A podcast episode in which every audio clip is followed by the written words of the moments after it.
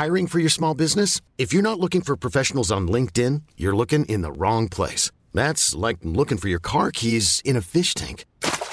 LinkedIn helps you hire professionals you can't find anywhere else, even those who aren't actively searching for a new job but might be open to the perfect role. In a given month, over 70% of LinkedIn users don't even visit other leading job sites. So start looking in the right place. With LinkedIn, you can hire professionals like a professional. Post your free job on linkedin.com slash achieve today.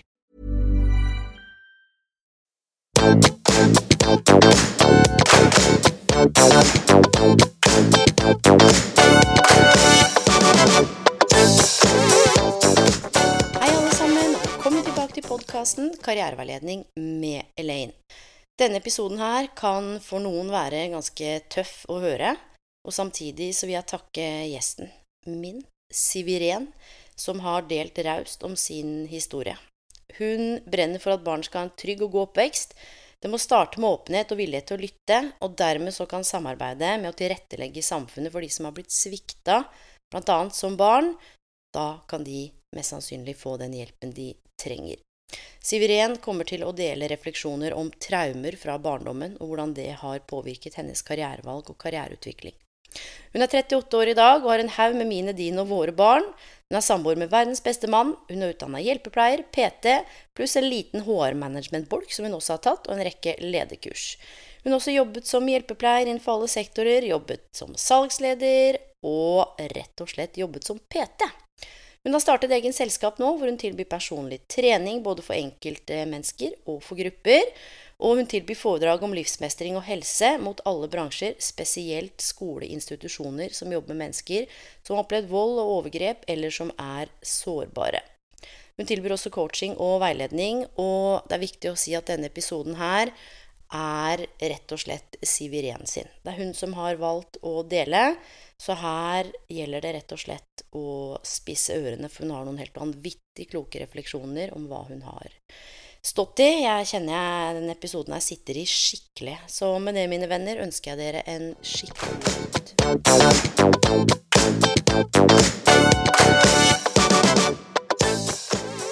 Da har vi ukens gjest her. Siviren, er du på linja?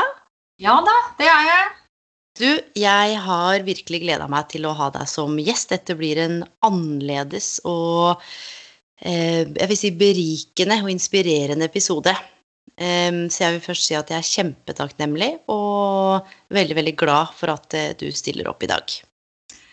Tusen takk. Og jeg er også skikkelig glad for å bli invitert, fordi jeg syns det her er viktig å snakke om. Så jeg blir veldig glad for å få den muligheten. Så takk for det.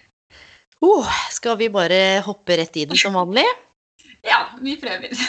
Du, det er jo sånn at jeg gjør alltid et karriereportrett av gjestene mine, og da er liksom inngangsspørsmålet Husker du hva du ville bli når du var liten? Um, ja, jeg ville bli sanger. Ok. Det, det var det eneste jeg drømte om da jeg var liten. Og så etter hvert så fikk jeg en fascinasjon for eh, babyer og barn, og tenkte at jordmor, det, det ville jeg bli. Ja. Så det var liksom veksla litt mellom de to tinga der, da. I mange år. Men husker du hvor på en måte inspirasjonen kom fra når det gjaldt først og fremst å bli sanger, da, og så eventuelt jordmor seinere? Var det noe du så eller leste, eller ja, noe du kom over? Hvordan fant den inspirasjonen deg, da? Mm. Altså, jeg var jo um, Jeg brukte musikk veldig mye som barn. Jeg hørte på veldig mye musikk. Jeg var heldig og hadde en mor som var veldig musikkinteressert. Så vi var på en måte alltid veldig godt forsynt med veldig mye plater, masse gammel musikk.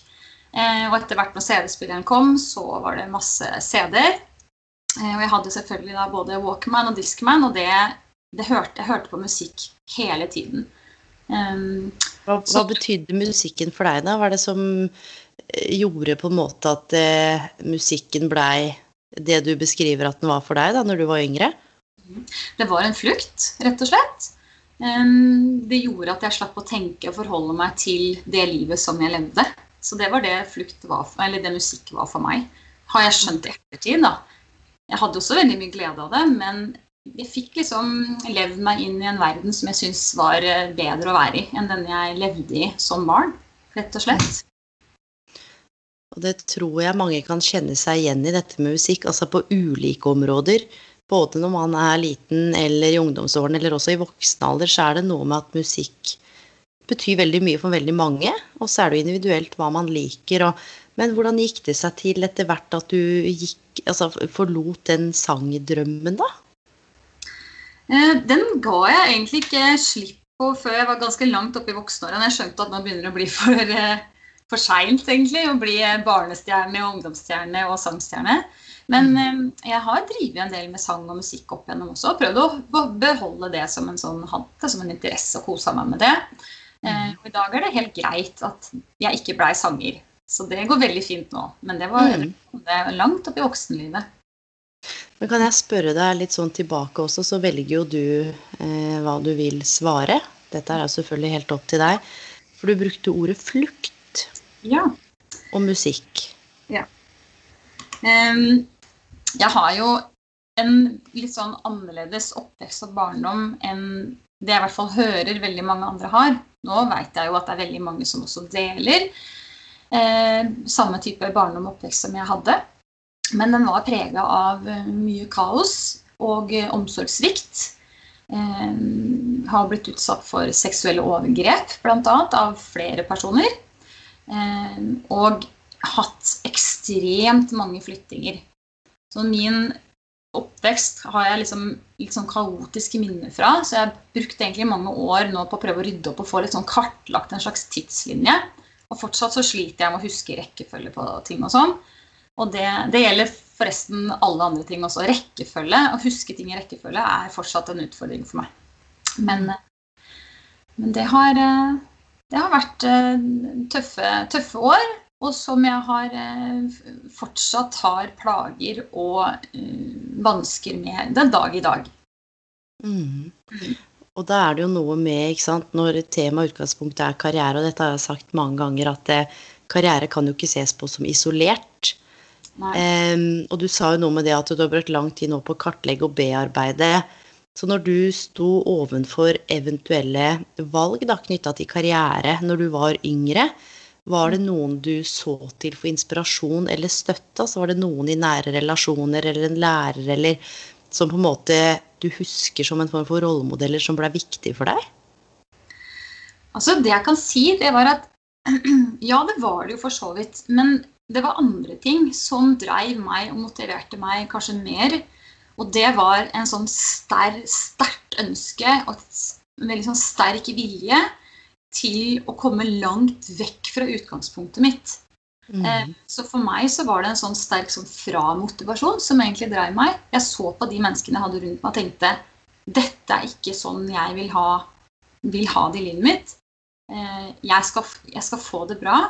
Og eh, bare vent til jeg blir gammel nok, så skal jeg begynne på den jobben. Mm. Eh, og så er det klart at det dukker jo opp minner om lærere og andres foreldre og egne foreldre. og mennesker rundt meg som jeg liksom husker som sånne som jeg kaller for markører i dag, da, på terapispråket.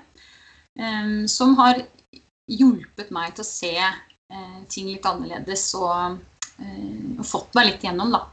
Mm. Og det husker jeg veldig godt fortsatt. Husker veldig godt mange øyeblikk som føles som sånn vendepunkt, eller som, som gjorde at jeg liksom levela opp litt da, videre i livet mitt underveis. Hvilke vendepunkt var det, da? Kan du sette ord på det? Ja, altså, veldig tidlig så husker jeg, kanskje bare fra jeg var sånn fem, seks, sju år, så husker jeg at det begynte å gå innover meg at min oppvekst var veldig annerledes. Jeg hadde det veldig annerledes enn de jeg gikk i klasse med.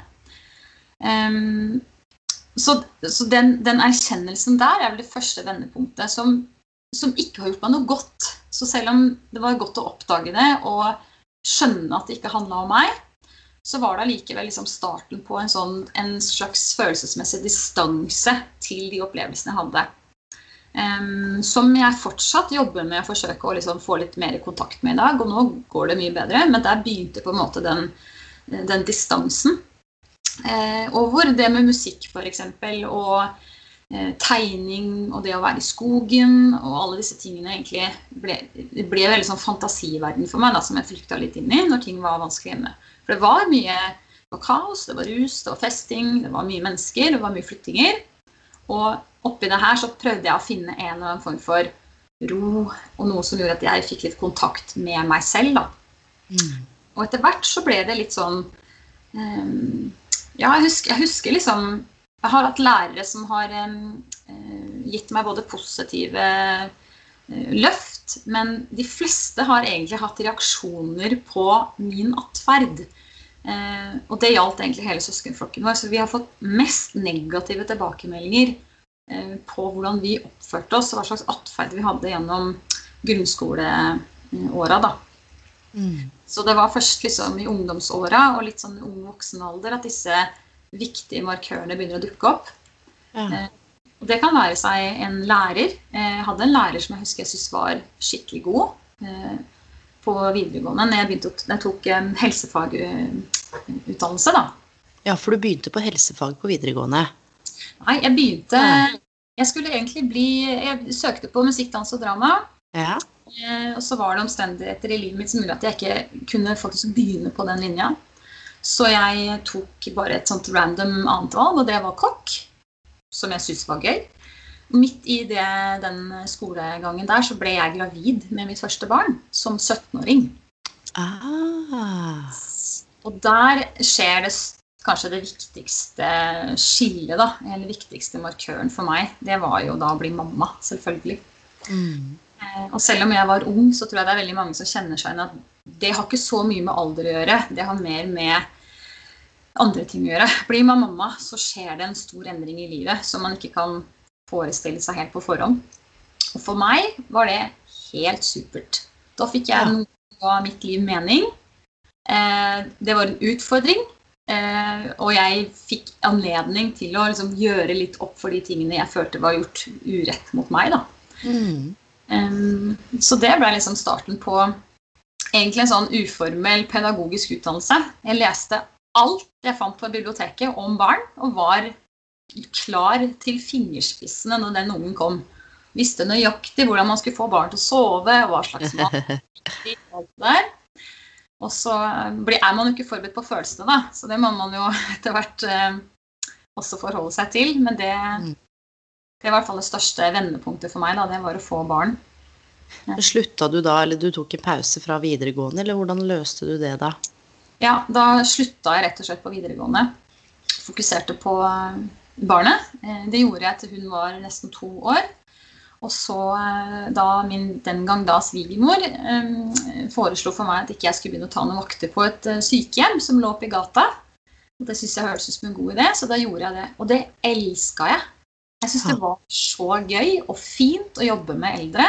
Så da starta jeg på en hjelpepleierutdannelse og tenkte at dette her er det jeg skal holde på med. Det føltes helt riktig. Eh, Så da ble jeg hjelpepleier.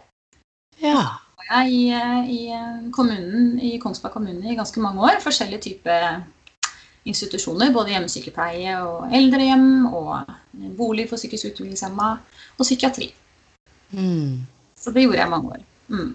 Når du ser tilbake da, på alle de årene, er det noen ting du kan trekke ut som virkelig står ut som læring? Hvis du ser det i lys av karriere, du, altså, du kan jo ta med deg masse derfra, men er det noe du tenker sånn Disse tingene her ville jeg bare aldri vært foruten. Altså, det å få en helsefaglig Det er jo en slags grunnutdannelse i helse og omsorg. Eh, og for meg er det alt. Alt jeg lærte der Jeg kan ikke komme på noe jeg ikke har brukt. Det er- Sengereie er jo liksom et eget fag omtrent. Jeg kan ikke si at jeg gjorde det kjempegodt i sengereie. Men så bortsett fra det, så så var det, det var utrolig lærerikt for meg. Jeg følte at jeg fikk en slags opplæring i hvordan mennesker fungerer, hva de fortjener. eh, Og det å utøve omsorg på en praktisk måte for meg var veldig givende. Og dette var jo på et tidspunkt hvor jeg fortsatt ikke egentlig hadde så veldig kontakt med følelsene mine. Eh, Men det ga meg veldig mye å serve andre mennesker, da. Og så det å kunne få lov til å være den personen som som gjorde at andre fikk det bedre. At jeg kunne tilrettelegge sånn at dagene ble fine. Det, det, det var veldig meningsfullt for meg, og det, det er det fortsatt. I alle mulige settinger. Ja, og dette er også litt interessant, også uavhengig av det du beskrev da, fra barndommen din, som vi har jo snakka litt sammen eh, om dette her før du var gjest på podkasten, så ingen tenker at eh, eh, Hva skal jeg si Det svaret kom ut av det blå, og så virker jeg veldig rolig og veldig lite sjokkert, men det er jo fordi at eh, vi hadde jo en liten prat, sånn at jeg visste jo at du skulle komme. Mm. Og så er det noe med, som jeg sa, litt uavhengig av, av hva du har opplevd, så er det jo ofte sånn at det kjennes veldig, veldig godt å være, noe for, være noen for andre. Mm. Og bidra til at andre har det godt. Og samtidig så kan det jo også være en form for flukt i det.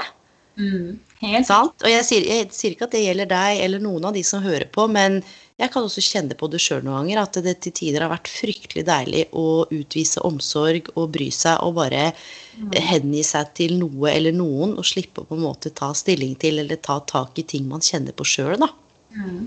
Og det er en sånn balanse. Ja, og, og, det å oppdage det, at det var det å jobbe på den måten, var egentlig en form for videreføring av den rollen jeg egentlig alltid følte at jeg har hatt. Mm. Det er å være til stede og for andre mennesker. Passe på at andre har det bra. Eh, det er en opplæring jeg på en måte har fått litt sånn ufrivillig fra jeg var veldig liten. Fordi hadde, jeg hadde foreldre som ikke hatt hadde så mange ressurser til å kunne ta seg av oss egentlig på den måten som vi trengte fra vi var tidlig. Eh, og det gjorde jo at jeg veldig tidlig tok ansvar for eh, bl.a. søsknene mine og, eh, og, også moren min eh, tidlig. Mm. Det ut, da utvikler man jo veldig ofte en sånn veldig sånn sterk eh, observasjonsevne i forhold til andre mennesker. og det kan være så sterkt at noen vil sikkert kanskje også komme til å kalle det for nesten evner. Um, men jeg tror det handler om det er noe mer nesten dyrisk ved det. Hvor man bare trener opp en del av hjernen sin til å bli veldig god. Eh, det var en som sammenligna det en gang for meg med det med fuglekikking. Altså Noen går i skogen, og så sier de sånn eh, at de syns det er så hyggelig å gå ut og se på fuglene. Og så ser de alle fugler som en egen rase, på en måte. Det er bare masse fugler. Og nyter det og syns det er fint. Og så har du de som er skikkelig gode på fuglearter, som bare hører alle forskjellene, nyansene på lyder og bevegelsesmønster. Og, og jeg tror jeg er en slags fuglekikker da, bare på mennesker. Eller blei det. Mm. Eh, og kan fortsatt eh, og Det er både på godt og vondt. Da. Det har gjort meg mye godt, men også vært eh, en slags belastning også. Mm. Og så er det jo noe med når vi snakker sammen nå, så er du jo ekstremt reflektert. Og så sier du at du har brukt mange mange år på å forsøke å begynne å kartlegge og sortere. Ja. Og så er det jo sånn at eh, mye av det vi har med oss av og til, vil jo på godt og vondt kunne påvirke eh, nå-situasjonen. Selv om vi skal jo ikke tilbake i tid, så er det jo noe med når ting er ikke er behandla eller kanskje ikke ordentlig bearbeida, at vi av og til vil det dukke opp på en måte i nåtid, da. Ja. Og så hadde du noen veldig interessante refleksjoner når vi snakket sammen knytta til bl.a. dette med salgsleder. Mm. Som vi snakka om at drømmen var liksom å bli salgsleder og så eventuelt salgsdirektør. Og så spurte jeg på telefonen ja, var det din drøm eller var det noen andre sin drøm. Kan ikke mm. du si litt om det, for jeg ble så fascinert over eh, ja, innsikten din, da. Ja, altså um, når jeg, um, Det ble jo samlivsbrudd etter hvert med min forrige samboer. Og eh, vi hadde to barn sammen. Og det gjorde jo at jeg havna i en situasjon hvor det med turn ble vanskelig å få gjennomført. Eh, så da bestemte jeg meg for å søke på en dagjobb. Og så havna jeg i et selskap eh, som egentlig igjen helt litt sånn tilfeldig. Nå trenger jeg en jobb, så da søker jeg, og så tar jeg den jobben som jeg får. Og det har jo fungert så langt. Og da får jeg muligheten til å starte med salg som det, det, falt meg veldig naturlig. Men jeg syns det var så gøy. Det var så morsomt. Og, eh, og dette var telefonsalg i tillegg. Og det er jo sånt yrke som mange kan snakke om. Ja, det er det ikke alle som eh, opplever er like gøy, eller at folk syns det er like gøy å bli ringt. Nei. Sant?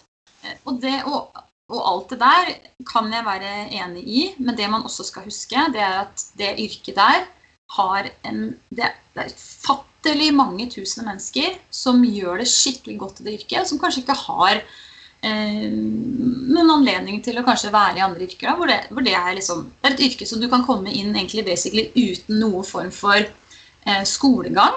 Og faktisk lykkes med å gjøre karriere og tjene gode penger i, da. Mm, men jeg tenker også, også, det er viktig å si noen ting om at når det er noen som ringer, så mm. er det også et menneske i andre enden. Uavhengig om du liker produktet eller ikke, eller du syns det Skjønner du? Så er det mm. faktisk noe med at det sitter et Og det har jeg tenkt veldig ofte på. Jeg pleier 99,9, med mindre det er noen som er helt spinnville, så er jeg alltid veldig, veldig hyggelig. For jeg tenker hva hvis det var meg som hadde det som jobb å sitte og ringe? Kanskje vedkommende elsker jobben, kanskje vedkommende hater jobben, kanskje det er en jobb man bare har for de. Men hele poenget er at uansett om det er en data som finner fram hvem du skal ringe til, eller så sitter det et annet menneske i andre enden. Og det koster ganske lite å bruke ett eller to minutter på å si høflig nei, istedenfor å eventuelt være ufin. Jeg har jobbet med salg selv i mange år. Jeg har også jobbet med telefonsalg. Dette starta da jeg var 15 år, jobba på Ellos, vet du. Ja, ja, ja. Um, og jeg tenkte alltid på at jeg er jo et menneske i andre enden. Og ble overraska noen ganger. Og det tenker jeg er sånn viktig å slå et slag for, også. Og så må man huske at det er veldig mange av de mennesker som ringer rundt, dette er unge mennesker. Veldig ofte unge mennesker. Som, har, som er kjempeglad for at de har fått seg en jobb. Mm. Og de er en del av et fellesskap. Og det å, mm. liksom, det å ringe rundt Det er klart man ringer jo folk som er midt i middagssuppa ja. der. Men det å ha litt respekt for at dette her er mennesker som prøver faktisk bare å gjøre jobben sin på en god måte, det syns jeg man skal minne folk litt på, da. Ja, og jeg syns det var så fint at du tok det opp, men da, men da begynte du altså med telefonsalg og likte ja. det? Ja. Og så eh, hadde jeg jo noen egenskaper og, og, en driv i meg som gjorde at det ble ganske naturlig for meg å, å forsøke å utvikle meg til liksom, det neste skrittet eh, som var der, og det var teamlederrollen. Så jeg fikk muligheten til å prøve meg som teamleder. Eh, som jeg både eh, fikk til, og som jeg bomma masse i. Men uansett så sto jeg i rollen såpass lenge at jeg etter hvert fikk litt taket på den. Begynte å synes at det med ledelse var veldig spennende. Eh, og igjen da, så ser jeg jo at den røde tråden ligger litt i at jeg fikk veldig glede av å få muligheten til å være med på å sørge for at folk fikk det bedre, klarte å mm. utvikle seg. Og, og, sammen med de så lærte jeg også enormt mye i den prosessen. Som gjorde at jeg etter hvert fikk muligheten til å jobbe som salgsleder også. Og etter hvert også få personalansvar. Uh, og det, det elska jeg. Jeg syns det var en fantastisk fin jobb. Eh, utrolig lærerikt. Masse utviklingspotensial. Jeg lærte noe nytt hver eneste dag på jobb. Jeg følte at det var liksom ikke noe tak på hvordan, hvor mye jeg kunne utvikle meg og lære meg nesten på daglig basis. Jobba du, my du, mye? Ja, det gjorde jeg. Eh, og det er klart at etter hvert da, så har jeg ikke bare to unger, men vi har faktisk eh, fått en flokk på fem til sammen, jeg og min nye samboer. Så det er klart at når de var mindre, eh, hadde ei på puppen, liksom, og salgslederansvar, personalansvar med litt pendling. Eh, Samboeren min driver også eget selskap, og han jobba ekstremt mye i den samme perioden. Så blei det det var, eh, det var, voldsomt mye fra alle kanter, da. Og det som skjer i det, det, her, det er at jeg bestemmer meg for å stå i det. Jeg skulle ikke gi meg. Jeg skulle fortsette. Det var liksom bare én vei, og det var opp og videre. Og eh, jeg mista nattesøvnen, brydde meg ikke noe om det. Dro på jobb likevel. Mista velka, brydde meg ikke noe om det. Fortsatte pumpa, pumpa. Det skulle liksom funke. Eh, jeg ville begynne å trene, begynte å løpe. Eh, skulle trene til maraton. Det var liksom det var akkurat som at jeg ikke Det blei aldri nok. Jeg måtte liksom putte mm. mer, jeg måtte putte på mer, jeg måtte putte på mer. Og når jeg ser tilbake på det nå, så var det en sånn desperasjon og en slags flukt i noe som dreiv og kokte under overflata. Mm. Eh, som jeg til slutt ikke klarte å gjøre mer motstand mot. Jeg kunne faktisk ikke fylle døgnet mitt med mer å gjøre. Med å være flink. Det holdt ikke lenger. Det sa bare Det bare jeg gikk på en måte med pus i øra. Mm. Eh, så kortisolnivået i kroppen min var nok mest sannsynlig veldig veldig høyt. Og jeg utvikla også panikkangst i den perioden her. Og det kalte jeg bare migrene, hvis noen lurte. Hvis jeg måtte gå inn på et mørkt rom, så sa jeg bare at jeg hadde migrene. For det opplevde jeg var sånne ting som folk kunne akseptere. Mens jeg satt der inne og rugga litt og pusta og, og sånn. Og så gikk det over. Så gikk jeg ut og smilte og på med høye hæler og kjørte videre. Du, vet du hva, jeg tror fader ikke at Jeg sier ikke at alle har det sånn, men jeg tror ikke at dette her er fremmed for alle. Dette her med å, at kalenderen er så full, og man er mer, som jeg har sagt før, en human doing enn en human being. Og så får man sant, påfyll og ros og energi, og jeg har ofte sagt at jeg opplever at mange forveksler eh, hvem man er med hva man gjør. At Mm. jobben blir en så stor del av hverdagen og identiteten. em, og så fyrer det på selvtilliten. Sant? At du kjenner at yes, selvtilliten den bygges, og folk sier wow, så flink du er, og du kommer tidlig og går seint. Men så er det noe helt annet når det er snakk om selvfølelse. Altså hvilken verdi du har for deg selv. Ja. For har du litt av den nå, nå, nå er ikke jeg noen psykolog, så jeg har ikke si at dette er greia, men mine observasjoner og refleksjoner, også noe forankra i forskning, er er den selvfølelsen på plass, så er ikke behovet der for å løpe så jævla mye heller. Mm. Nei, og den, eh, den var nesten ikke-eksisterende, tror jeg. Og jeg tror at på mange måter så var det sikkert det jeg forsøkte å fylle på. Eh, Jeg jaga en eller annen følelse som jeg ikke fikk. Og så trodde jeg at jeg bare måtte gjøre noe mer eller noe annet, og så ville den komme etter hvert.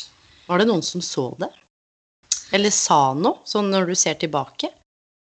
Ja, jeg tror nok det var På det tidspunktet der så var nok det ganske synlig. Eh, på et eller annet tidspunkt så hadde jeg amma og løpt og jobba så mye og, og sovet så lite at jeg besvimte på matbutikken en gang. Så fiskebolleboksen rulla bortover midtgangen. Eh, og det er klart at jeg pressa meg sjøl til et ytterpunkt som gjorde at eh, jeg klarte ikke å være til stede for ungene mine. Lyd og lys, alt ble plagsomt. Mm. Eh, så så jeg, jeg hadde pusha det til et sted hvor jeg blei veldig fysisk dårlig. Og så kommer liksom den derre som jeg skjønner at folk kanskje kaller for veggen. Jeg vet ikke om det var en vegg, men det var et Jeg vil tenke at det var et ras. Det føles mer ut som det var et ras enn at jeg smalt på en vegg. Det var noe som brista inni meg, som bare gjorde meg helt liksom utslått. Em, og på det tidspunktet så hadde jeg også utvikla spiseforstyrrelser. Jeg hadde slutta å spise mat, for jeg hadde lyst til å bli tynn også. Eh, og syntes på en måte ikke at den løpinga og jobbinga og holdt. Det måtte gå fortere. Eh, og det blei det blei det blei for mye. Så da var jeg over 30 år, og for Mm. første gang i mitt liv så tenkte jeg Nei, skulle spurt folk om litt hjelp, da? Der. Der sa du det. Og, og vet du hva, du er jo ikke aleine om det, uavhengig av hvor man kommer fra, eller hva man har gjort, eller om du ser på karriere eller livet, for alt henger sammen med alt. Og det derre Vi har så lett for å si til andre, ikke sant, komme med råd og tips, eller ja, men det er søke hjelp, eller gå dit. Ja. Men akkurat det du sa når jeg kjente jeg fikk frysninger Nei, skal han spørre om litt hjelp, av gitt, eller skal han ordne dette sjøl? Og det er litt det som er hele intensjonen med podkasten og alt jeg gjør, og bare det at du er på nå. Og jeg blir så glad fordi Nei, man skal ikke gjøre alt sjøl. Og det veit jo du òg nå, man skal ikke fikse alt i eget hue. Man skal ikke fikse seg sjøl. Det er egentlig ingenting som trenger å fikses nødvendigvis. Jeg er ikke så glad i det at det, nå skal man fikse seg. Men det med å faktisk, som du sier, skal han be om litt hjelp. Og det gjorde du, eller? Ja, det gjorde jeg. Jeg gikk til legen min, em, og så spurte jeg om uh, det var noe sånn psykologaktige greier jeg kanskje kunne prøve ut. Skulle snakka med noen. Ja, Hatt, no, hatt noen greier, så jeg skulle gjerne snakka med noen. Ja. Ja, men vet du hva, dette er, ikke sant, jeg fleiper litt med det, men jeg er veldig alvorlig, fordi veldig ofte, og dette er sagt tidligere òg, så er det sånn, ja, men du bare be om hjelp. Om det er karriereveiledning eller psykolog, så tenker jeg sånn, faen, vi må slutte å si til folk, bare spør om hjelp, fordi jævlig mange, unnskyld at jeg banner, nå må jeg sette sånn explicit på podcasten, eller hva det er, at det er banneord, men fryktelig mange vet egentlig ikke helt hva det er de skal be, altså, be hjelp om. Nei, og når man er i den situasjonen der, og når du virkelig tenker at jeg har forsøkt absolutt alt i hele verden for å Mhm. få det bedre og klare det bra, Mhm. eh, så har man veldig lite tillit til at noen andre skal kunne klare å hjelpe deg med noen ting som helst. For Mm. jeg følte meg som eksperten på meg selv. Ja. Um, og, var helt, og følte meg så reflektert og følte at jeg hadde kontakt med alt i meg sjøl. Men jeg visste jo allikevel at her var det det var en del ting som jeg ikke hadde håndtert og tatt tak i. Det er masse sorte hull fra barndommen. Eh, mye vonde ting. Eh, og jeg bestemte meg for å Og jeg fikk til slutt da en psykolog, og det kan jeg bare si med en gang. Han heter Espen Idås. Eh, så hvis du hører på nå, Espen, du er en av mine helter. Og da var jeg heldig å komme til en psykolog eh, som jeg nå er veldig stolt av å si at jeg har gått til. Som hadde veldig mye erfaring om utviklingstraumer og utviklingsskader. Så det å komme til en person som faktisk på én time forsto hvorfor jeg hadde de utfordringene jeg hadde, og som egentlig ikke var så veldig interessert i å snakke med meg om dagens situasjon, eh, det var veldig Det, var et, det kan man si var en ganske kraftig markør i mitt liv. Så jeg gikk faktisk til han en gang i uka i mange, mange måneder. Og så etter hvert én eh, gang i måneden i nesten tre år. Og har han fortsatt på speed dial hvis det skulle dukke opp et eller annet. Fordi man får en relasjon, rett og slett. Det blir en viktig person i livet. Og det han kunne lære meg, det har vært så utrolig verdifullt og et grunnlag for meg å bygge mitt liv videre på. da. Fordi For meg så var det sånn at fram til da så trodde jo at det var, det var, jeg som var problemet. Det var mm. jeg som ikke var flink nok. Jeg måtte utvikle meg mer. Jeg måtte lære mer. Jeg måtte bare endre meg. Jeg hadde lest alt i selvhjelpshylla. Ja, ja. Tankesett og mindset. Og Få ut potensialet ditt. ikke sant? Bigger, better, faster. Yes. Ikke sant? Begynte å prøvde meg på sånn mindfulness. Jeg trodde jeg skulle gå på veggen av frustrasjon. Hele kroppen bare rista ikke sant, av uro. Og så eh, forteller han meg noe som, som, jeg tror Som jeg egentlig unner alle som har utviklingsskader, da, altså traumer fra barndommen, så kan man få utviklingsskader på hjernen. Og den, eh, den læringa der, den har gitt meg muligheten til å sortere litt. Både hva er det som, er det som skjedde med meg? Kartlegge hva er det som skjedde når, på hvilket stadie var hjernen min på der i forhold til min utvikling? Eh, og hva er det jeg manglet som jeg burde ha fått, og hva er det jeg fikk som jeg ikke burde ha fått? Og hvordan, hvordan utvikla hjernen min seg? Eh, og det å forstå for, hvordan nervesystemet vårt fungerer da. For meg, det å få liksom den innsikten har gjort utrolig mye. Og den styrer jeg veldig etter fortsatt. Fordi vi har jo et område i hjernen som, som er litt sånn gamlehjernen. da. Og når vi opplever vonde ting som barn, så har vi ikke et eget reguleringssystem for følelser. Det er helt avhengig av de voksne rundt oss skal hjelpe oss med å forstå om ting er farlig eller ikke. Og hvis vi ikke får den hjelpa, så kan hjernen vår liksom huske at ting er farlig, og være veldig aktivert mer enn den trenger å være. Og når det i tillegg er omsorgspersonene som utsetter deg for traumatiske ting, så, så kan det skade hjernens utvikling. Eh, også varig. Eh, og, og, det er noen som ikke overlever, så det er viktig å si. Det er noen som ikke overlever en barndom full av traumer. Hjernen takler det ikke. Som enten utvikler rusproblemer, eller som havner i miljøer hvor de utsettes for vold. Eh, og også mest sannsynlig er en stor del av selvmordsstatistikken. Og det eh, tenker jeg at jeg vil liksom snakke litt om, da. Mm. Eh, fordi det å ha forståelse for når jeg sier sånn 'sånne som meg', da, så er det veldig kategoriserende. Og det er viktig å huske at her er det kjempemange varianter og vinklinger og forskjeller. Like mange som det er mennesker. Eh, men for sånne som meg, altså mennesker som ikke har fått den omsorgen og blitt utsatt for traumer som barn, så får man forskjellige typer eh, det kommer til forskjellige typer uttrykk som voksen. For den hjernen skal vi leve med resten av livet. Mm. Så jeg lærte meg litt hva er det jeg hva er det som er normalt? For det visste jeg jo ikke. Hva er det som er normalt å tenke og føle? Eh, hva er det som ikke er normalt, altså skaden? Og hva kan jeg gjøre noe med? Og hva skal jeg bare akseptere er der? Og det har vært med å skape en, en helhet for meg. Følte meg mer hel. Kunne kvitte meg med masse skam. Masse følelse av å ikke få til ting. Og heller begynne liksom jobben med å gi meg selv kred for det jeg faktisk fikk til, på tross av. Og å være litt sånn god med meg sjøl og ha litt omsorg med meg sjøl når jeg prøvde på ting som jeg ikke fikk til. Og kunne liksom klappe meg selv litt på skulderen og si sånn Ja, men her kommer du til kort. Dette skal ikke du holde på med.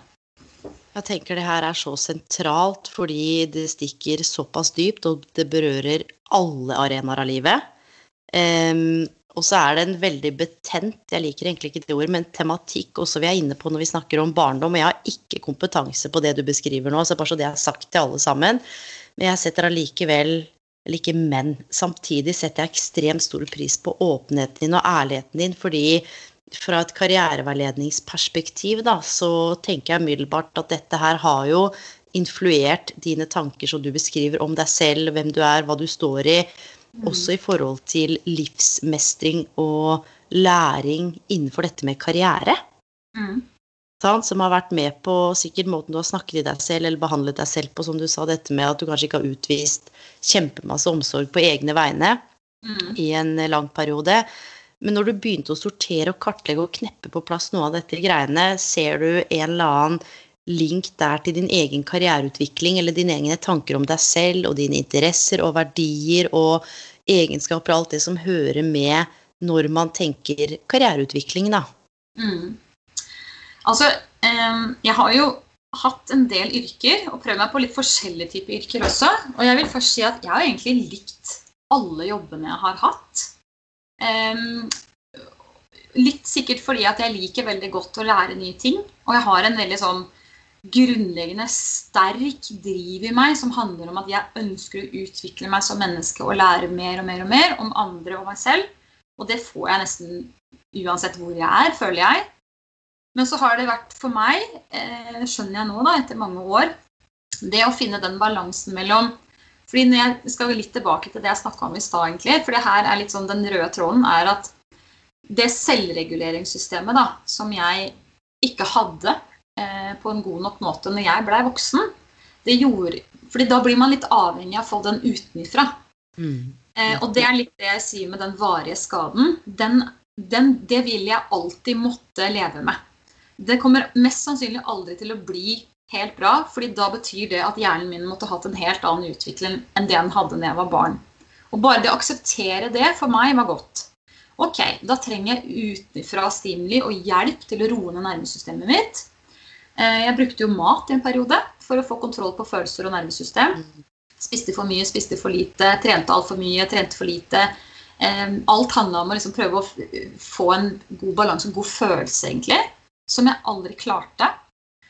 Eh, når jeg nå forstår at det handler om nervesystemet mitt, så er det lettere å velge strategier som gjør at jeg kan roe ned det. Fordi jeg er veldig sårbar for stress, f.eks. Og det gjør at mange av de yrkene som innebærer veldig mye stress og press fra arbeidsgiver f.eks. på levering, kvalitet og deadlines osv., det, er, det er ting som, som, kan, som kan sette meg ut av spill, og som kan gjøre det vanskelig for meg å ha det godt etter jobb. Jeg, kan... jeg tenkte på litt, litt etter ref salgsleder. Det er ikke en eh, bare-bare jobb, det, altså. Bestandig. Nei, det, det er faktisk en, en, veldig krevende jobb. Fordi du skal sjonglere utrolig mye ting. Eh, du har ansvar for mennesker, menneskers utvikling.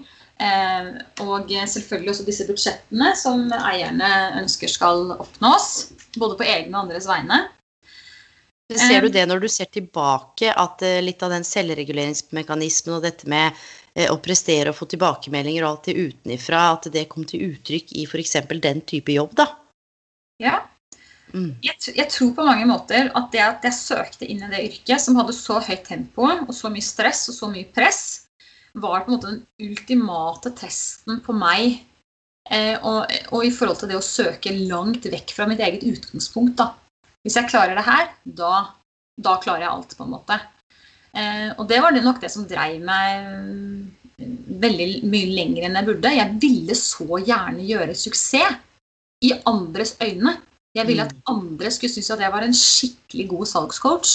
Og jeg kunne bli veldig nedstemt og få store utfordringer inni meg hvis jeg opplevde at jeg ikke hadde så god påvirkningskraft på en selger f.eks. Jeg fikk liksom ikke helt taket på hva den personen trengte så ble jeg så opptatt av det. Um, I tillegg til at jeg skal opprettholde alt det andre. Og alt det her dreier seg nok litt om den derre pleaser-mentaliteten som jeg egentlig hadde med meg hele veien. Alle måtte ha det bra. Alle måtte lykkes. Det var på en måte min suksess. Og det nytte går jo ikke i salgsyrket, ikke sant. Så der, eh, der, kom jeg til kort i forhold til hva mine egne målsetninger var, da, uten at jeg visste at det var det. Så etter en stund Jeg ble sykemeldt fra jobben min. Eh, prøvde meg litt tilbake her og der. Kjente at dette kan jeg faktisk ikke gjøre. Jeg, jeg fikk det dårlig med å være i den jobben. Men, men, det altså, jeg likte jobben, jeg trivdes med folka, selskapet. Alt det der var bra, men det var noe i meg som ikke takla det så godt. Eh, så da bestemte jeg meg for at nå skal jeg prøve noe helt annet. Nå skal jeg bare søke noe helt annet. Eh, og da sto jeg mellom valget Da tenkte jeg ja, kanskje jeg kan bli jordmor nå, da. Helt til jeg mange, veldig mange år på skolebenken. Um, og det er også en ting. Uh, jeg, jeg, jeg, er ikke en slow learner, men jeg må nok det, den der akademiske formen for læring for meg, det, det er hardt. Det er hardt, mm. hardt, hardt, hardt for, for hjernen min. Og jeg trenger å knagge ting på praktiske knagger. Da forstår jeg det. Hvis jeg kan knytte det til noe praktisk, så skjønner hjernen min eh, fag, fag veldig godt. Men hvis jeg ikke vet hva jeg skal bruke det til, så er det akkurat som det ikke vil inn. Mm. Istedenfor å da bestemme, tenke at jeg skulle, nå skal jeg begynne på skole og studere, sånn som jeg så alle andre på min alder holdt på med, så tenkte jeg må ha noe mer praktisk. Og da var det det med trening som lå mitt hjerte nærmest. Fordi etter denne terapirunden så, så begynte jeg å bruke trening og kosthold på en positiv måte, og jeg merka mm. vanvittig stor effekt det hadde på min mentale helse eh, faktisk liksom kanskje det som har hatt mest effekt av alt jeg har gjort. Eh, og tenkte at her, eh, her er det noe som trigger meg på en måte som jeg ikke har kjent før. Dette er noe jeg faktisk har lyst til å holde på med. Mm. Eh, så når det gjelder disse inspiratorene i treningsbransjen, har jeg møtt flere mennesker som har inspirert meg eh, enn til sammen, tror jeg, hele livet fram til det. Mm. Jeg tror jeg handler om at her møtte jeg flere likesinnede. Folk med passion, eh, masse energi. Det var liksom noe med menneskene i, eh, i, treningsbransjen som ga meg veldig mye. Du er jo også en av de, Helen, hvis det er lov å skryte litt eh, av det. Så hyggelig. Ja. Takk. Så jeg husker jo veldig godt at jeg blei eh, ble fortalt at å, jeg håper du får Elaine på studiet. Det er veldig bra. Så jeg, å, så hyggelig. Elaine som alle skryter av. Og det du blåste meg av banen. Jeg ble kjempeinspirert. Og det er jo din energi. Ikke sant? Din energi som er så ekte og ærlig. Og jeg tenkte sånn dette, dette er den retningen jeg skal jobbe for å bli selv. For jeg kjente at jeg hadde det i meg. Men jeg var så redd. Og du mm. var så uredd. Og det inspirerte meg. Jeg tenkte at hun der hun, eh, hun, er litt sånn som jeg og veldig mange har lyst til å være litt mer, og det er uredd. Mm. Eh, og Det er sånne ting som, eh, som, jeg alltid har tatt med meg videre da, når jeg møtte mennesker som har hatt en egenskap som jeg kanskje visste at jeg hadde i meg, men som jeg ikke har turt helt å utvikle. Da. Um, men um, da ble jeg PT. Og det var, det var et godt valg for meg. Jobber fortsatt som trener, selv om PT-yrket viste seg kanskje ikke være helt det jeg um, det var veldig godt en periode å jobbe som PT, jobbe som trener på treningssenter. Kjempefine kollegaer, elska å jobbe med kunder. Men jeg kjente allikevel at dette er komfortsona mi. Jeg vil noe mer eh, enn det her. Um, du, kan jeg bare spørre deg, fordi du har jo et relativt stort mulighetsfokus. Eh, ja. Når du snakker nå, og hvilke muligheter og hva du kan, og det er et eller annet med det som bare følger deg på et eller annet vis. Ja. Og så tenker jeg, er det noen måte for deg å beskrive, kanskje ubevisst, bevisst, hva som har gjort at du har klart å opprettholde det fokuset gjennom barneskolen, ungdomsskolen, altså videregående, så ble du mamma, så kom det et barn til, og så har du med deg det du har med deg i bagasjen som jeg har så enorm respekt for, og derfor så stilte jeg ikke noe mer spørsmål om det heller, fordi det er noe med å kjenne begrensninger på hva man er i stand til å ta imot i forhold til kompetanse, sant? Mm. Eh, for, for, mitt vedkommende, altså. Men, men, du har bare et sånt mulighetsfokus og en sånn positivitet og et sånt genuint ønske om å bare lære å utvikle seg. Jeg er så nysgjerrig på hvor Du sa du blir inspirert av litt ulike mennesker, men er det noe som har bare vært iboende i deg på et eller annet vis? Eller er det noe du tror du har lært deg? Vet du hva, Jeg kan faktisk ikke huske noe annet enn at jeg har tenkt sånn. Mm. Eh, men jeg tror nok at eh, det kan nok være at dette har etablert seg fordi jeg veldig tidlig ikke opplevde at jeg hadde noe stor verdi. Mm. At jeg ikke var viktig, at jeg ikke hadde verdi. Og derfor så ble det viktig for meg å søke eh, bekreftelse utenfra. Ikke sant? Og, og, det er klart at det starter jo på en negativ måte, men det gir meg jo noe veldig positivt etter hvert. Sånn at egentlig så tenker jeg at det starter med noe som ikke er spesielt bra for et barn. Og det er noe som, som kan bli litt sånn vanskelig å leve med. Men så blei det litt sånn min superpower etter hvert. Når jeg så hva det faktisk ga meg. Så selv om jeg har jobba mye med å forsøke å endre en del litt sånne dårlige mestringsstrategier da, som ikke har gjort meg noe godt, så har jeg beholdt den. Fordi jeg ser at den gir meg mer enn det den plager meg. da. Mm. Eh, og jeg ser at etter hvert som min selvfølelse har steget, fordi det er jo noe jeg har lyst til å snakke om også. Da. Det er at den kan man begynne å jobbe med når som helst. Den kan man mm. påvirke. Eh, og det var veldig deilig for meg å vite. At den kan jeg påvirke selv. Og det å omringe meg med mennesker som gir meg noe, som kan lære meg noe. Eh, og selvfølgelig også skåne meg litt for de menneskene som er hardest i kritikk. Det har vært en mm. sånn god balanse der. Eh, litt sånn kritikk med kjærlighet, det kan jeg ta imot. Men eh, ja, det har blitt en superpower, tror jeg, mer enn enn noe annet. Det har vært en slags redning, og det ser jeg jo nå. At jeg har helt sett ut på andre. Andres familier. Jeg har observert, notert i bakhodet, tatt det med meg videre. Dette er et hjem som gjør sånn her. Dette er en mor som gjør sånn. Dette er en lærer som gjør sånn. Dette ser jeg mm. har god effekt på barna. Det tar jeg med meg videre. Mm. Så jeg setter læring ute. Mm.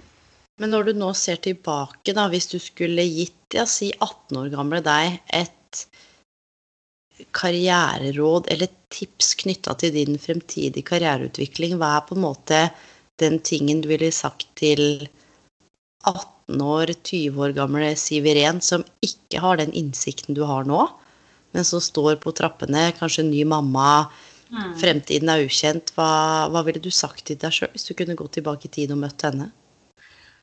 Altså Det første jeg ville sagt eh, til henne, var eh, å gå, eh, begynne terapi nå. Ja. Ja, helt ærlig. Og det, der, eh, der venta jeg for lenge. Det føler jeg har, nå føler jeg at jeg har nesten har dårlig tid med resten av livet mitt. Og det ja. ser jeg på at jeg ikke starta tidligere. Mm. Fordi det var virkelig bra. Um, og så er det noe med det å um, gi meg litt selv litt omsorg.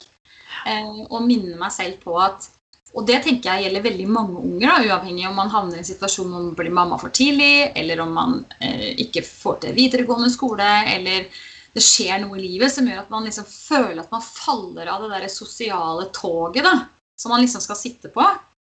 Så er det sånn at jeg syns ikke livet er så kort, ja, som folk snakker om. Jeg syns at det er kjempelangt, heldigvis. Så jeg har mulighet for å både bestemme meg ombestemme meg, prøve meg fram og bomme kjempemange ganger uten at det nødvendigvis liksom ødelegger noe for meg.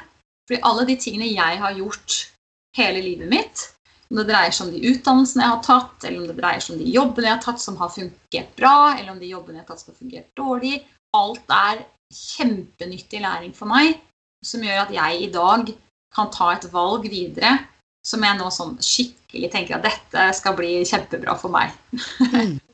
Nei, men Du snakker om eh, noe nå, eller påpeker noe som er helt sentralt, fordi vi, livet er jo sånn her, og litt sånn tilbake til Jeg satte veldig pris på at du opplevde at jeg var uredd, og det er en helt reell greie. For jeg tenker sånn her Det fins bare én av meg, jeg har bare ett liv, og jeg har veldig sjelden vært fryktelig opptatt av hva alle andre tenker om meg, så mm. lenge jeg har gode intensjoner og er et godt menneske. Mm. Og jeg tenker at hvis andre ikke liker meg eller ikke skulle likt deg, så lenge man oppfører seg bra og er et godt menneske, så er egentlig ikke det mitt problem. Mm. Hvis noen ikke liker denne episoden her, så dropp å lytte. Altså, hør den ferdig, eller Men jeg, jeg har bare kommet til et eller annet sånt punkt, og det, ikke sant, da kan du snakke om barndom, da. For mm. jeg, har jo, jeg har ikke vært i nærheten av å stå i det du har stått i. Um, og jeg tror at noe av det jeg har fått med meg derfra, har jo også gitt meg noe av den tryggheten Sant? Eh, og det må jeg også kunne si, for ofte så er det sånn Ja, det er veldig teit at du sier det når hun forteller at hun har hatt det vanskelig, men alle har jo ulike opplevelser av sin egen barndom. Og jeg hadde mine ting, og du hadde dine ting, og Per og Kari Ahmed og Siri og ikke sant? Alle har jo sine ting. Men jeg tror dette med, og når du deler såpass ærlig nå og både om dette med terapi og hva du har vært gjennom, at jeg blir jo Akkurat når vi sitter nå, så blir jo jeg fryktelig inspirert av deg, for dette her for meg er jo å være uredd. For det første så åpner du lokket på noe og setter ord på noe som er tøft å høre, helt personlig for meg, og som berører på et sånt nivå som er vanskelig å fatte og vanskelig å sette seg inn i. Og så har du allikevel klart å jobbe med det og gjøre noe ut av det som gjør at du, sånn som jeg opplevde når vi snakka sammen i stad før vi skulle ha den podkasten her, at du faktisk har et relativt godt liv. Mm. Og at det å prøve og feile er helt innafor. Fordi jeg tror mange føler at jeg må ta den utdannelsen, jeg må kjappe meg å få den jobben, jeg må tjene de pengene, jeg må få det huset. Altså, hvem er så veit hva som skal skje i morgen? Nei, og, og det eh, jeg er så enig i det du sier. Og så tenker jeg at det, det, det, kanskje det viktigste jeg har gjort for meg sjøl, som jeg Jeg skal ikke komme med råd, men jeg har lyst til å tipse folk om det, som kanskje står i en situasjon hvor de, de føler at de strever veldig med å være voksen. Helt ærlig, være voksen. Fordi de vet at det er noe de har med seg videre som tar opp så mye energi. Åpenhet er terapi. Åpenhet er terapi. I det mm. øyeblikket du velger å sette ord på de utfordringene og vanskene, og kanskje også til og med traumene du tar med deg fra videre, så mm. frigjør du kroppen for energi eh, som du kan fylle med andre ting. Eh, så i det øyeblikket jeg bestemte meg Dette er faktisk ikke så veldig lenge siden. Jeg bestemte meg for å åpne og ærlig om de tingene jeg har vært utsatt for som barn. Jeg har vært gjennom en prosess nå med, med både anmeldelser og eh, you name it. Og det har vært um, det mest krevende sånn, sånn, mentalt jeg noensinne har vært igjennom. Og selv om jeg nesten kunne se for meg at bl.a. min anmeldelse kom til å gå til henleggelse, uh, så var det allikevel viktig for meg å gjøre det. For da var det vekke fra min kropp. Da hadde jeg gjort det jeg kunne for å adressere ansvaret dit det hørte til.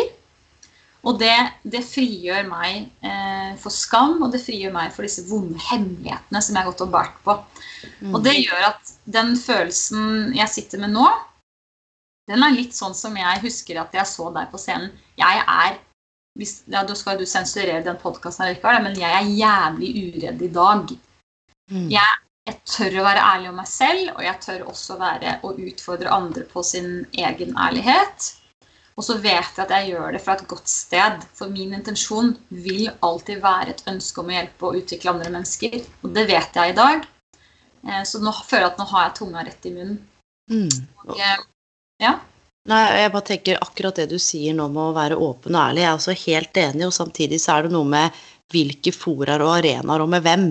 Mm. Og vi, hva er intensjonen Ja? Yes, for det er jo sånn at det er mye som deles overalt i hytt og gevær. Og jeg lurer alltid på hva er baktanken her? Hva er man ute etter kliks eller likes? Er man ute etter å virkelig rette søkelyset på noe som andre kan ha nytte av og lære av og trigges av og inspireres av for å ta grep, eller hva er det som er hva?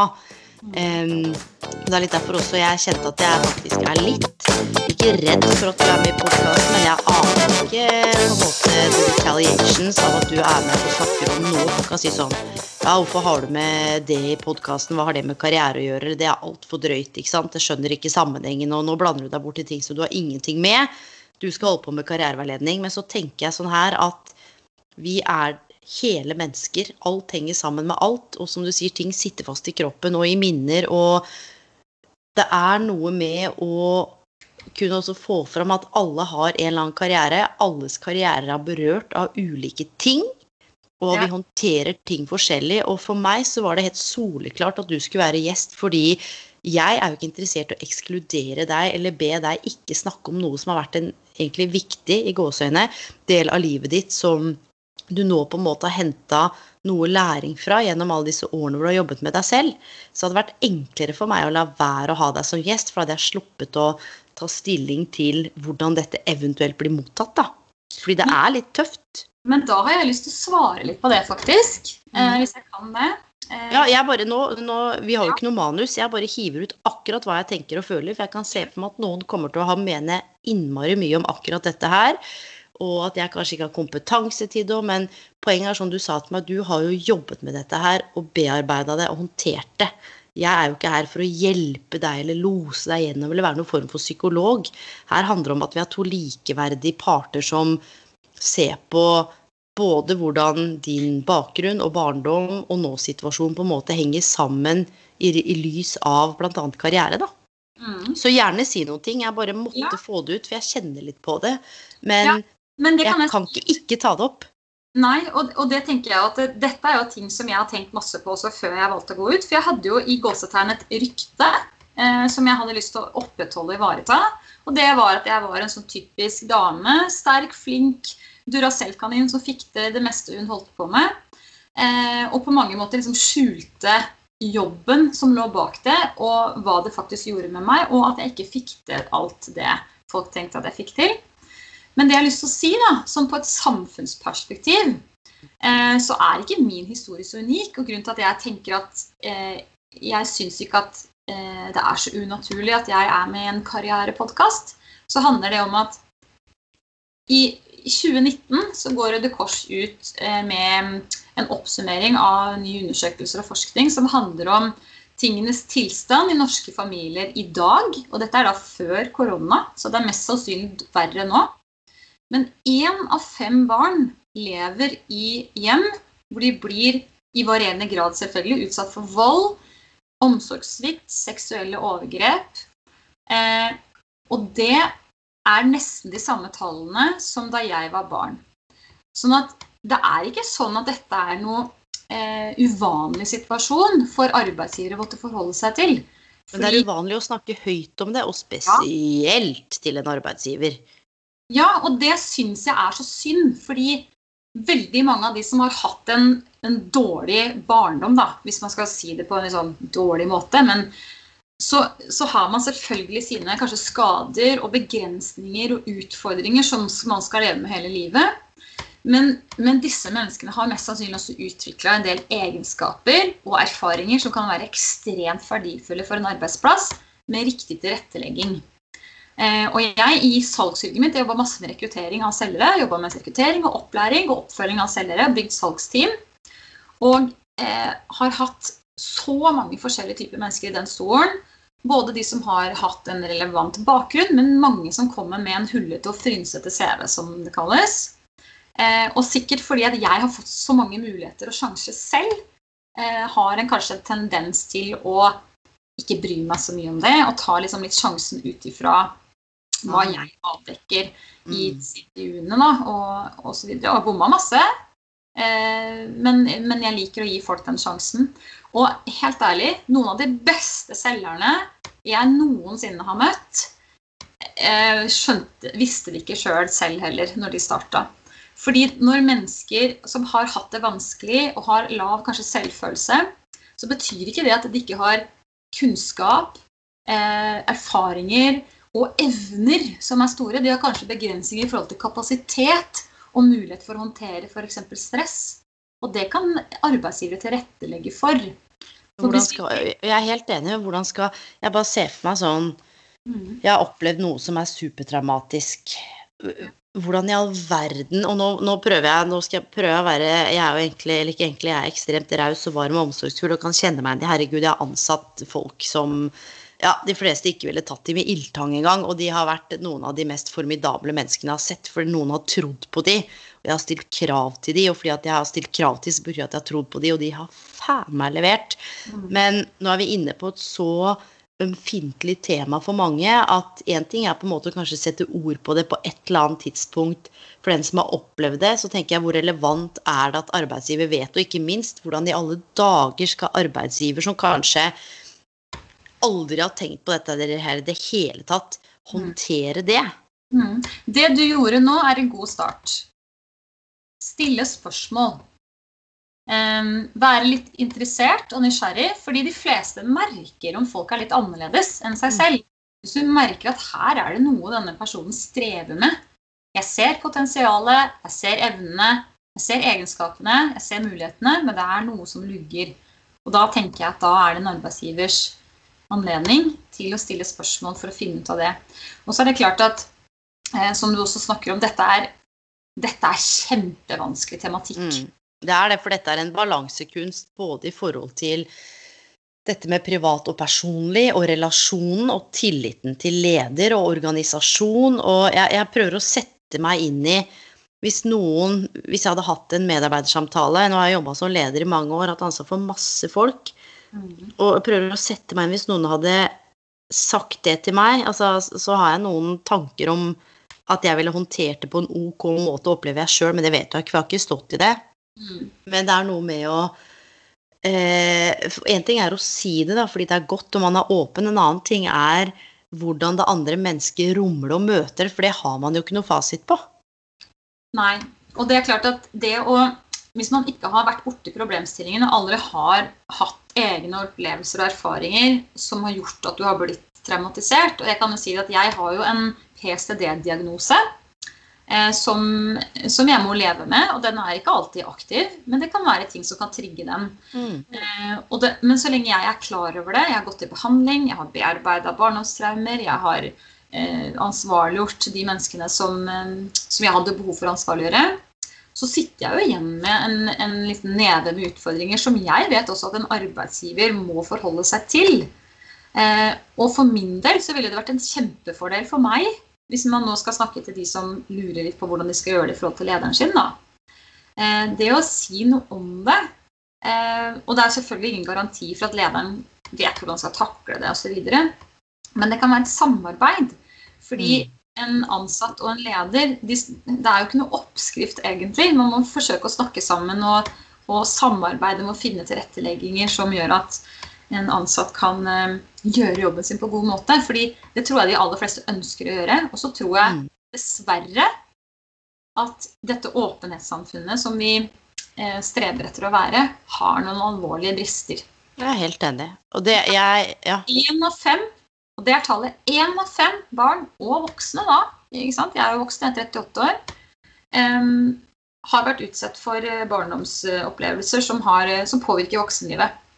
Og, og, det er dette her, ikke sant? for når det påvirker voksenlivet, i og med at dette er jo egentlig, eller ikke egentlig, jo, egentlig en, en podkast om karriereveiledning, så kommer man på en måte ikke unna at det både påvirker kanskje, altså karriereutvikling, karrierevalg, karriereplanlegging, Evnen til å håndtere interesser, egenskaper, håndtere et intervju, eh, sette ord på hvem du er, formidle kompetansen din, stå i deg sjøl. Altså alle disse tingene mm. som omhandler det å være menneske, da, og samtidig også på et eller annet tidspunkt skulle forme en karriere.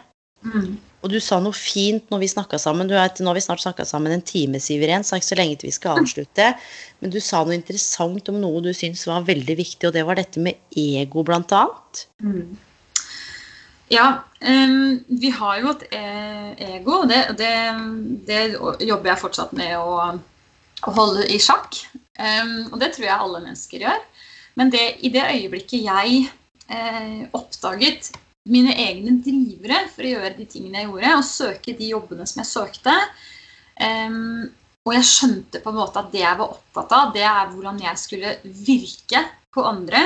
Hvordan det skulle se ut som jeg var, og hva jeg gjorde istedenfor hvordan jeg hadde det.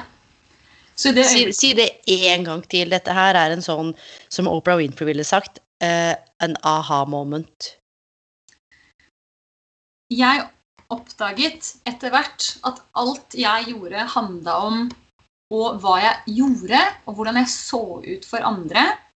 Og ønska å skape et image som gjorde det helt usynlig for folk hva jeg egentlig sleit med, hva jeg dreiv med, for jeg skamma meg sånn. Alt handla om det hvordan det skulle se på utsida.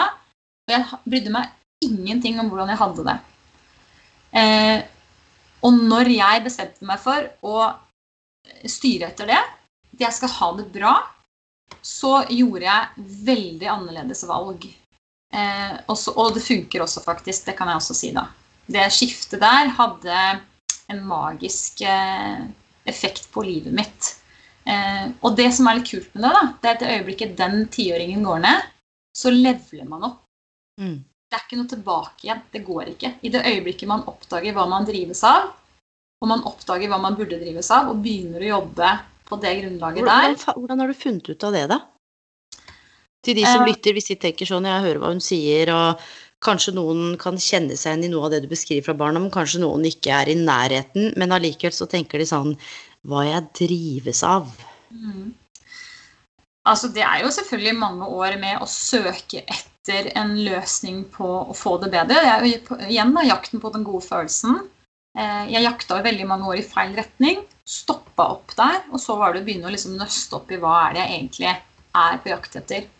Eh, og da er det å det er snakke med folk. Jeg hører på podkaster hver dag. Jeg har lest masse bøker. Eh, og det er noen mennesker som treffer, og andre som ikke treffer. Men det handler om timing i jeg, hvor jeg er i min utvikling også. Så og er... evnen til å være kritisk. Kritisk tenkning, ja. og det sier jeg også. Jeg har lest helt sjukt mye, også lytter og alt mulig. Men er det én egenskap som jeg kjenner sånn som er så viktig nå i dagens teknologiske, litt uoversiktlige, globaliserte samfunn? Evnen til å tenke kritisk, ass. Ja, og selværlighet. Mm. Ikke sant? Hele tiden sjekka med seg selv. Er det her er dette noe som gir meg mening, og som er forankra i mine verdier? Mm. Da er det bærekraftig. Og det jeg kan si, da, som jeg liksom tenkte litt på her også etter at vi snakka sammen, at når du tar den der runden med deg sjøl, og det må jeg gjøre ikke lenger daglig, men jeg må fortsatt sjekke av med meg sjøl stemmer dette her i forbindelse med den nyoppdagelsen jeg har gjort i meg selv. Passer det her inn? Ja eller nei? Check. Så nå sier jeg mye nei til ting også som jeg før ville sagt ja til. Mm. Men det er litt sånn hvordan jeg vil ha det, er viktigere enn eh, hvordan jeg skal være. Um, og det som skjer da, det er at da tåler jeg også mye mer av de tingene som er litt slitsomt med den jobben, som gjør at det ikke alltid er like kult og morsomt og osv. Fordi jeg, jeg, gjør det fra et sted som er ekte for meg, og som jeg vet på sikt vil gi meg noe eh, som gir meg den gode følelsen da, som jeg jakter etter. Så hva er det jeg eh, vil være, er nå bytta ut med hvordan vil jeg ha det. Mm. Eh, ja. Oh, vet du hva, Siveren? Jeg kjenner Jeg sitter riktignok med en eh, genser og en ullgenser, og det er ikke så varmt her, men jeg kjenner jeg er svett. eh, og jeg er ikke svett av deg, jeg er bare eh, egentlig litt sånn svett av å Eh, altså positivt svett. ja, det er ikke sånn at jeg blir svett her. Rett og slett fordi dette her har vært eh, til dels jæskla tøft å høre. Eh, og all kjærlighet og medfølelse. Ikke sant? Dette er bare en vei i og med som jeg sa, at jeg ikke har den kompetansen til å kunne eh, behandle, og dette er jo ikke en sånn behandlingssamtale heller, så vil jeg ikke fortsette ned den veien. Jeg er bare så dypt takknemlig for at du valgte å dele. Og Vet du hva jeg tenker sånn, Hvis det er bare ett menneske i dette universet mm. som hører stemmen din og bare kobler dette her opp mot noe de har stått i, eller noe de kjenner noen har stått i, og kanskje får én ny refleksjon eller én ny tanke, eller troa på at det kan bli bedre, eller det kan gå bra, mm. eller at det er noen grep man kan ta, mm. og at det er mulig å finne en karriere eller jobbe med karriereutvikling og det å mestre livet og det å lære parallelt uten å måtte fikse alt og finne ut av hva man skal gjøre og hva man skal bli, og, mm. og rett og slett eh, sjekke inn og kjenne til hvordan man egentlig har det. Mm. Og at det er kanskje det viktigste parameteret å sjalte ut all den forbanna støyen og scrollinga og bare. Rett og slett logge inn og tenke sånn Faen, åssen står det til, da? Hva er det jeg mangler, hva er det jeg trenger, hva er det jeg føler, hva er det jeg tenker? Hva er Hvordan har det seg at jeg kjenner det sånn her? Mm. Ja, og det, der har man jo De aller fleste mennesker er jo utstyrt med et indre kompass. Yes. Og det kompasset, det er så viktig og så vanskelig å finne fram til noen ganger. Ja, men jeg vil allikevel påstå også lett. Ja, enig. Det kompasset fungerer på en sånn måte at når du gjør noe du virkelig ikke skal drive med, så merker du det ja, ja. jævla godt. Mm. Og det å eh, Ok, prøv litt til, da, og se om det liksom blir bedre. Vi trenger noen, noen bekreftelser og bekreftelser og bekreftelser. Mm. Og noen ganger så blir vi litt sta, men jeg har begynt på det. Og hva vil folk tenke hvis jeg slutter nå? Bare, bare gjør noe annet. Fordi det, bare det å slutte å gjøre ting du ikke skal holde på med, eh, i, i, seg selv vil føre deg i en bedre retning. Da. Det er i hvert fall det jeg har liksom sagt til meg selv i mange år nå, det er at nå strever jeg. Prøver jeg å få til noe som jeg ikke får til. Før ville jeg bare fortsatt hardt. Mm. Kompensert. Aldri stoppa. Lest på det. Lært av gode folk. Ikke stoppa. Nå stopper jeg. Fordi jeg merker hva det gjør med meg. Og jeg skal jo, igjen, driveren, jeg skal jo ha det godt. Og det der har blitt, sånn som jeg opplever, en sånn form for sånn North Star, eller rettesnor for deg. Ja. Og jeg tror når man våger å sette av tid til å bli kjent med seg sjøl, så ligger jo noen av svarene der. Som alle vet, så hater jeg Nei, det er sterkt ord. Jeg misliker oppskriftssamfunnet. Altså Mm. tre trinn for å komme over en tøff barndom, eller syv trinn for å finne drømmejobben. Ja, jeg forstår litt hva jeg mener. Litt sånn flosseri fordi det selger. Jeg blir så sliten av det, fordi hvem i all verden er jeg til å fortelle deg hva som er riktig og viktig for deg? Nei, og, Det, det det er noe med å men, men det er lettere sagt enn gjort òg, det skal jeg si. Og litt sånn mitt, mitt sånn lakmustestspørsmål når folk sier til meg jeg må bare holde ut litt til, så er jo spørsmålet hvis du er i en karriere hvor du kjenner at alt her butter, jeg har prøvd, jeg har gitt alt, jeg har lært, Ja. så er jo spørsmålet eh, A. Hvor lenge skal du holde ut? mm. Og B. Når er det du veit at du har holdt ut lenge nok? Ja, det er et godt spørsmål. Og så tenker jeg at det, er så vanskelig å svare på det for folk også, fordi vi har så Mhm. stor eh, variasjon i toleranse. Mm, eh, definitivt. også. Eh, her er det så mange ting som spiller inn. Men jeg har prøvd mange ting, jeg, og eh, har liksom lett etter eh, yrker og karrierer da, som jeg eh, før var opptatt av å kunne liksom skinne i og være flink til. Og nå, nå velger jeg annerledes, og det gjør jo at jeg faktisk, faktisk blir flink. Jeg får faktisk gjort den jobben jeg har streba etter å gjøre. Um, og føle at jeg gjør en god jobb, da. Uh, og det gjorde jeg jo aldri før. Uansett hvor god jobb jeg gjorde, så blei det liksom aldri bra nok, for jeg søkte en god følelse. Den har jeg i utgangspunktet nå. Så derfor så kan jeg bare fortsette med det jeg gjør. Jeg blir ikke sliten av det, jeg blir ikke lei av det. Men kan jeg spørre deg da, hva er du, lytter, hva er det du gjør akkurat nå, da? Karrieremessig? Nå, nå har jeg jo etablert et selskap hvor jeg har bestemt meg for å samle all min livserfaring, kunnskap, yrkesvalg eh, og utdannelser, kurs og bøker og alt. Finne en liten rød snor. Og det er jo ingen tvil om at jeg er opptatt av trening. Eh, og selv om jeg er glad i å trene sjøl og er opptatt av å holde kroppen min frisk osv., så, så er jeg mye mer opptatt av hva kroppen og hva bevegelse i riktig dosering kan gjøre for vår mentale helse. Det er den ene tingen. Og den andre tingen er jo at eh, selv om det går ikke an å ha en utdannelse på en måte som kan gi deg den erfaringen som jeg har eh, i forhold til eh, seksuelle overgrep og omsorgssvikt. Og for meg så Det som på en måte blir min fordel der i møte med andre mennesker, er jo at jeg tåler jo disse historiene. Folk kan fortelle meg hva de vil, og jeg tåler de. Og eh, har lyst til å jobbe mer for å være der for de menneskene som har det vanskelig. Men jeg har også noe å si til de menneskene som utdanner seg for å jobbe med sårbare grupper. Både i skole, barnevernsutdannelsen og barnehager. Og der har det begynt å rulle inn litt eh, forespørsler om både kurs og forelesninger som jeg skriver på om dagen, og gleder meg veldig til å ta fatt på.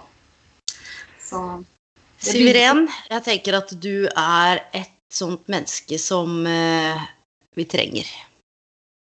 Takk! Både på individnivå, du sa det, og på samfunnsnivå og på organisasjonsnivå. Eh, Jeg tenker du er en kjemperessurs på alle måter. Um, bare lyst til å si tusen, tusen takk for at du delte så himla raust at jeg nesten datt av stolen og faktisk ikke helt visste hvor den podkasten her skulle ta veien, eller hva jeg skulle spørre om. Em, vi sitter jo med hvert vårt glass vin, vi ser jo hverandre på Skype, så skål for en em, veldig ekte, ærlig og uredigert episode. Og dette vet kanskje ikke mange av lytterne, men ingen av disse podkastene er noen gang redigert. Det eneste vi gjør, er å justere volum, sånn at det passer å sette på intro og outro. Eh, utover det, så det er ikke noe manus. Dette er rett og slett bare noen eh, ekstremt viktige refleksjoner, og du har gitt meg noen nye tanker. Men da vil jeg si takk eh, tilbake, fordi eh, jeg skjønner jo at det er en vanskelig tematikk for folk å, å, invitere inn til. Du inviterer meg inn på din bane for å snakke om ting som er vanskelig for folk både å ta inn over seg og høre og forholde seg til. Og så vil jeg gjerne, liksom, hvis jeg kan avslutte med en liten oppfordring, da. Yes, det var det jeg håpa. Ja. Ja. Og det er litt sånn Um, en ting er hva jeg brenner for og liker å jobbe med, og hva, hva det gir meg, men er det noe som, som, virkelig, som jeg virkelig liksom lidenskapelig er opptatt av i dag, så er det at de barna som vokser opp i samfunnet vårt i dag, det er alles ansvar. Det er den fremtidige generasjonen. Eh, og det er ikke bare foreldrenes ansvar å sørge for at de har det godt. Og i det øyeblikket familiene svikter, så tenker jeg at i det øyeblikket samfunnet, vender blikket vekk, ikke snakker til barna, ikke spør dem hvordan de har det, så er det et kollektivt svik. Vi må tørre å snakke om det, både vi voksne som har opplevd det selv, for å normalisere det, fordi det er faktisk det det er for veldig mange mennesker. Det er normalt. Det skal ikke være hemmelig, det skal være åpent. Og så får vi sammen med arbeidsgivere finne en løsning på det. Men vi er ikke der ennå at vi vet hvordan vi skal håndtere det og løse det i arbeidslivet. Men det begynner med at vi må snakke om det, og så får vi samarbeide, tenker jeg. Oh. Siv Iren? Jeg har litt sånne tårer i øynene, altså. Jo, men det, det, er ikke så lenge siden jeg blei mamma. Jeg har en sønn som snart fyller 19 måneder, som ligger og sover. Ja. Og det er sånn, jeg, jeg klarer bare ikke jeg er jo ganske visuell, så jeg tenker jo i bilder og film, og jeg bare klarer liksom ikke Kroppen min og sinnet mitt klarer nesten ikke å, å wrap my head around it. Forstår du litt hva jeg mener? For det, det er så det er så, det er så alles ansvar, det. Ja, og det er en ganske normal reaksjon, for det er så vondt å tenke på det. Og det er så vondt, for man får visuelle bilder, og man sammenligner det med seg selv og egne barn osv. Men så tenker jeg istedenfor å bare riste det av seg, kan vi ikke bare alle nå samtidig bare generere den følelsen til noe som kan gi oss styrke til å tørre å heller liksom gå imot problemet, da, enn, enn å vende oss vekk fra det. Ja, og, så, og så slo det meg, fordi jeg, jeg, har jo sagt og nå skal jeg, Dette er til, til, meg selv, kritikk til meg selv. Jeg har jo sagt at jeg syns det var vanskelig å høre. Altså, misforstå meg rett. Mm. Men kanskje bare det at jeg bruker ordet 'vanskelig', mm. gjør at det blir vanskelig å høre. Fordi språk har så enormt mye makt. Mm. Eh, men så har jeg ikke noe annet godt ord for det, ikke sant? annet enn at jeg kjenner på sånn empatismerte og alt som hører med. Og så klarer jeg allikevel å si at det, det, det var tøft å høre. Skjønner du hva jeg mener? At bare, bare, ordene vi bruker om det, er med på å fremmedgjøre det og gjøre det vanskelig. Mm. For det er ikke så vanskelig, egentlig. Og jeg tenker at det å bytte ut det ordet, f.eks., istedenfor å si 'jeg syns det er vanskelig å høre om det', for det, det, er det jeg er vant til å høre. Vet du hva jeg har lyst til å si? Vet du hva jeg har lyst til å si? Kan jeg bare korrigere meg før du sier noe? Ja. Jeg er ekstremt takknemlig for at du valgte å dele det med meg. Mm. Takk. Det er det jeg hadde lyst til å si når jeg fikk tenkt meg om. For da slipper jeg å ta hensyn til hva du Jeg vet det. Jeg vet det. Jeg vet det. Jeg bare Jeg, jeg gikk ikke rett i fella, men det er sånn autopilotrespons. Og så kan man si er det regulert fra samfunnet fordi det blir ofte brukt Dette her blir ofte brukt i sammenheng med vanskelig og det du har opplevd. Og så kjenner jeg sånn Mer enn noe annet så er det ikke så vanskelig annet enn at jeg er ydmyk og takknemlig for at du valgte å dele. Det er det jeg landa på før du skulle få lov til å si hvordan jeg egentlig burde si det. Ja. Takk for at jeg fikk lov, Elaine. Det setter jeg veldig pris på. Og så håper jeg at det, at det kan gi noen eh, håp og styrke til å Og fremtidstro. Prosess. Det, går an å ha, det går an å skape en karriere. Det går an å eh, ta kloke karrierevalg. Det går an å på et eller annet tidspunkt, som du sa, eie historien sin og stå i det og hente fram ressurser når det er bearbeida. Mm. Du kan si en karriere av en ødelagt barndom. Man kan faktisk gjøre seg en karriere av en ødelagt barndom. Yes. Siveren, de som lytter, hvor kan vi få vite mer om deg, hvor finner vi deg? Jeg prøver jo å være på sosiale medier. Selv om jeg ikke er sånn kjempeflink der, så er jeg i hvert fall tilgjengelig. Både på Facebook og Hva Instagram. heter du da? Siv Iren? Siv Irén Nyborg. Ja. Irén Nysæter Nyborg. Eh, og så jobber jeg på en eh, hjemmeside hvor det skal bli litt mer tydelig hva jeg eh, tilbyr av tjenester. Hva Skal den hete? Den heter siviren.no. Ja. ja. Såpass kreativ var jeg. Du, jeg har vel egenblom.no, så hello. Men hva, det enkleste er ofte det beste. Ja, ikke sant? Iren, nå skal vi avslutte, og så kjenner jeg at jeg ikke har lyst til å avslutte, og så kjenner jeg at det, det her blir en helt annerledes kveld enn det jeg trodde det var. Jeg har lært om å tenke. Jeg må, jeg må kjenne etter. Så bra. Tusen, tusen takk for at du er deg. Vi We need you. Thank you. We need you too. Ha en fantastisk kveld, Siv Iren, så snakkes vi. Takk. Ha det bra. Ha det!